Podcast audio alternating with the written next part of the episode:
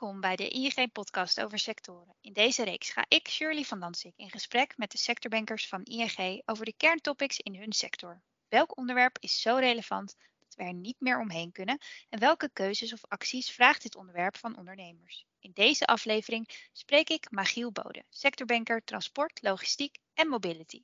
We gaan het hebben over de transitie naar zero-emissie en waarom dit zo belangrijk is.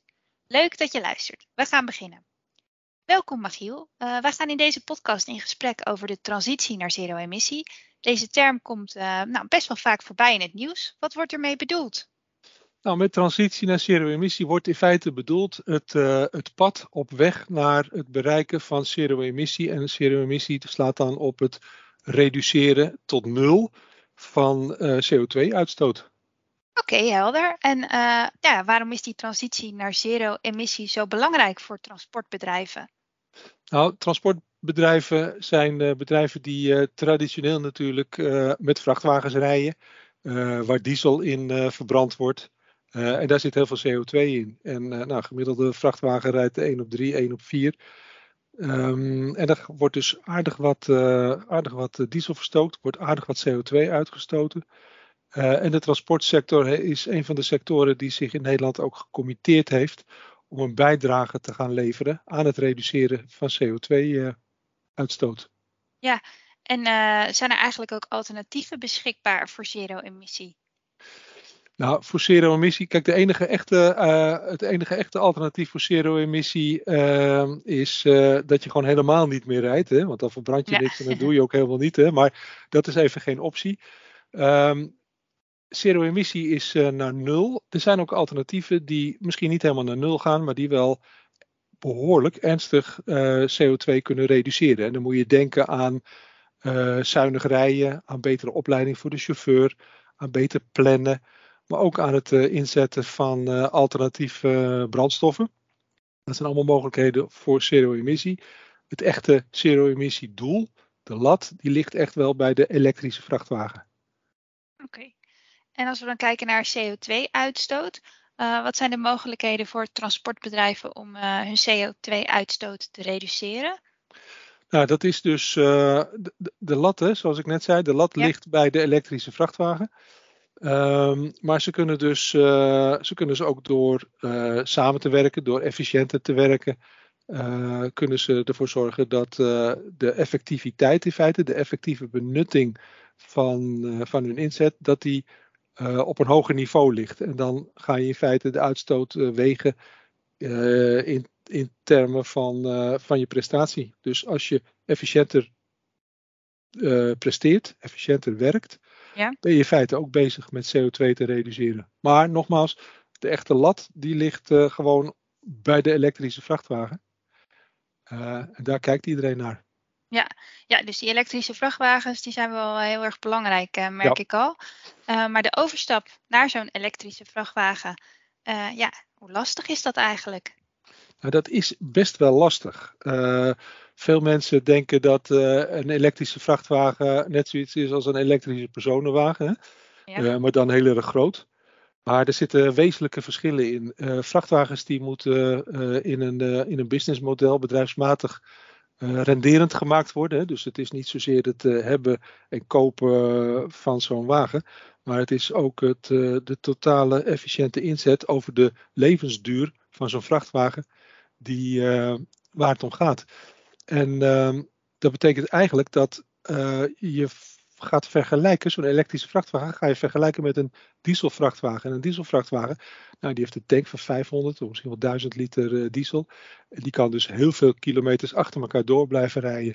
Elektrische vrachtwagens, hè, zeker degene die nu uh, beschikbaar zijn, die hebben eigenlijk een hele kleine actieradius. Het duurt vrij lang om, uh, om zo'n wagen op te laden als die weer leeg is. Dus een actieradius van 200, op zijn best 250 kilometer.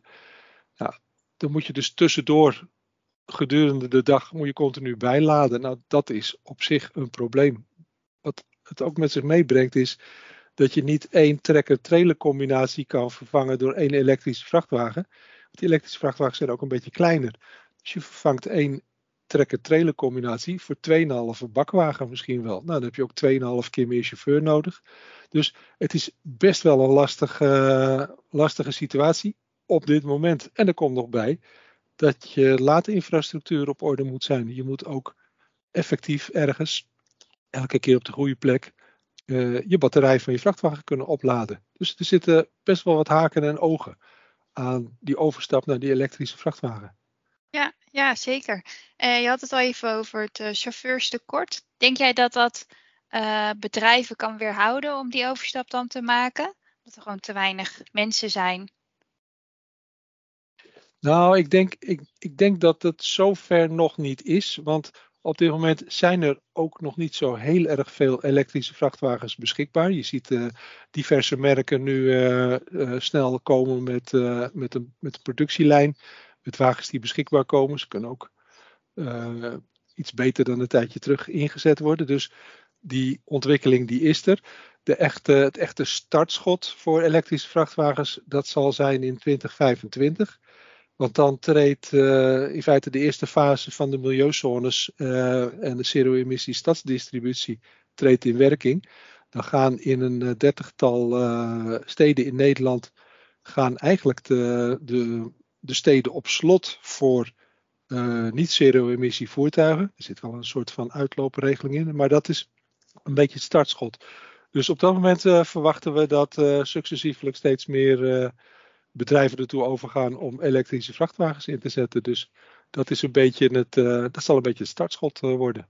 Ja, helder. Dus ze hebben, nog, uh, ze hebben nog even, maar het is al wel heel belangrijk om, om mee bezig te zijn. Dat klopt. En, en, en in aanvulling daarop, ook in die fase tussen 2025 en 2030 zijn er nog mogelijkheden om, om, om toch nog even van hele schone overigens type dieselvoertuigen gebruik te maken. Euro 6 uh, eh, is dan de norm. En Euro 6 dieselvoertuigen zijn eigenlijk best wel schoon.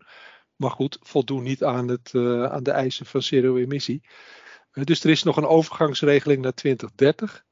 Maar wat als een paal boven water nu staat, is dat 2030 kom je met een brandstofvoertuig die milieuzones in de stad gewoon niet meer in. En dus moet je een elektrische vrachtwagen hebben. En zijn er eigenlijk uh, voorlopers in de sector die echt al bezig zijn uh, met de overstap naar zero-emissie? Ja, nou er zijn dus in het, uh, in het brandstof-efficiënt zijn, daar zijn een aantal, sowieso een aantal koplopers. Maar dat is ook logisch, hè, want brandstof kost geld. En als je er zuinig mee omgaat, geef je minder geld uit, hou je meer over. Hè. Dus op dat reduced uh, CO2-reductiepad, uh, daar zijn natuurlijk zeker koplopers. En eigenlijk zou elk transportbedrijf daar heel actief mee bezig moeten zijn. elektrische vrachtwagens zelf, als je ze gaat tellen, als je gaat kijken hoeveel er ieder jaar jaarlijks geregistreerd zijn, hè, hoeveel erbij komen, dan is dat op dit moment in alle eerlijkheid toch mondjesmaat. Dan heb je het over tientallen wagens per jaar erbij. Maar goed, we zitten ook nog niet in 2025. Eh, en de koplopers die ermee bezig zijn, dat zijn de bedrijven die gewoon weten dat ze straks tussen 2025 en 2030, en zeker na 2030, ook gewoon vol aan de bak moeten met een elektrische vrachtwagen. Dus die doen samen met, uh, samen met uh, leveranciers, met merken van vrachtwagens, doen ze ervaring op met beperkte hoeveelheden vrachtwagens. Dat is wat op dit moment speelt. In feite de proeftuinen en business case ontwikkelingfase. Ja, duidelijk. Um, en wat hebben uh, bedrijven ja, volgens jou nodig om tot een goede aanpak voor de transitie naar zero-emissie te komen? Nou, wat wij, wat wij denken, en daar willen we dit jaar ook uh, extra aandacht aan besteden uh, door middel van onderzoek en rapport.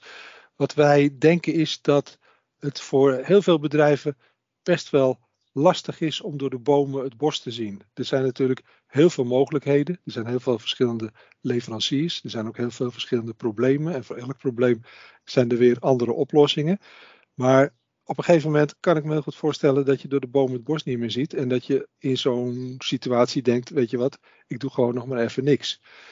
Dat zou niet zo handig zijn, want er moet wel gewoon wat gebeuren. Je moet nu gewoon ervaring opdoen proberen erachter te komen wat voor jou past.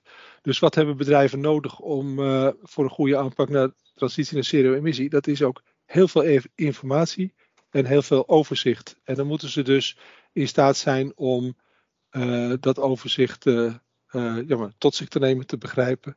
dat is iets wat wij in feite handelingsperspectief noemen. Je moet bedrijven in deze ingewikkelde eerste fase moet je handelingsperspectief geven. Zodat ze scenario's kunnen maken, zodat ze kunnen plannen, zodat ze kunnen faceren en hun investeringsbeslissingen daarop aanpassen. Ja, ja voor die kennis uh, kunnen ze ongetwijfeld ook bij jou terecht. Precies, precies, daar ben ik voor. Ja, nou, dankjewel uh, Michiel. Het uh, was volgens mij een kort maar krachtig gesprek. Ja, ik hoop, ik hoop dat het overkomt en leuk om te doen. Ja, nou ook jou als luisteraar wil ik natuurlijk bedanken. Fijn dat je erbij was. Heb je naar aanleiding van deze podcast nog vragen? Bij ING denken we graag met je mee. Ga naar onze website ing.nl of neem contact op met je vaste contactpersoon. Je kan, zoals ik net ook al zei, ook de sectorbanker benaderen. Graag tot een volgende keer.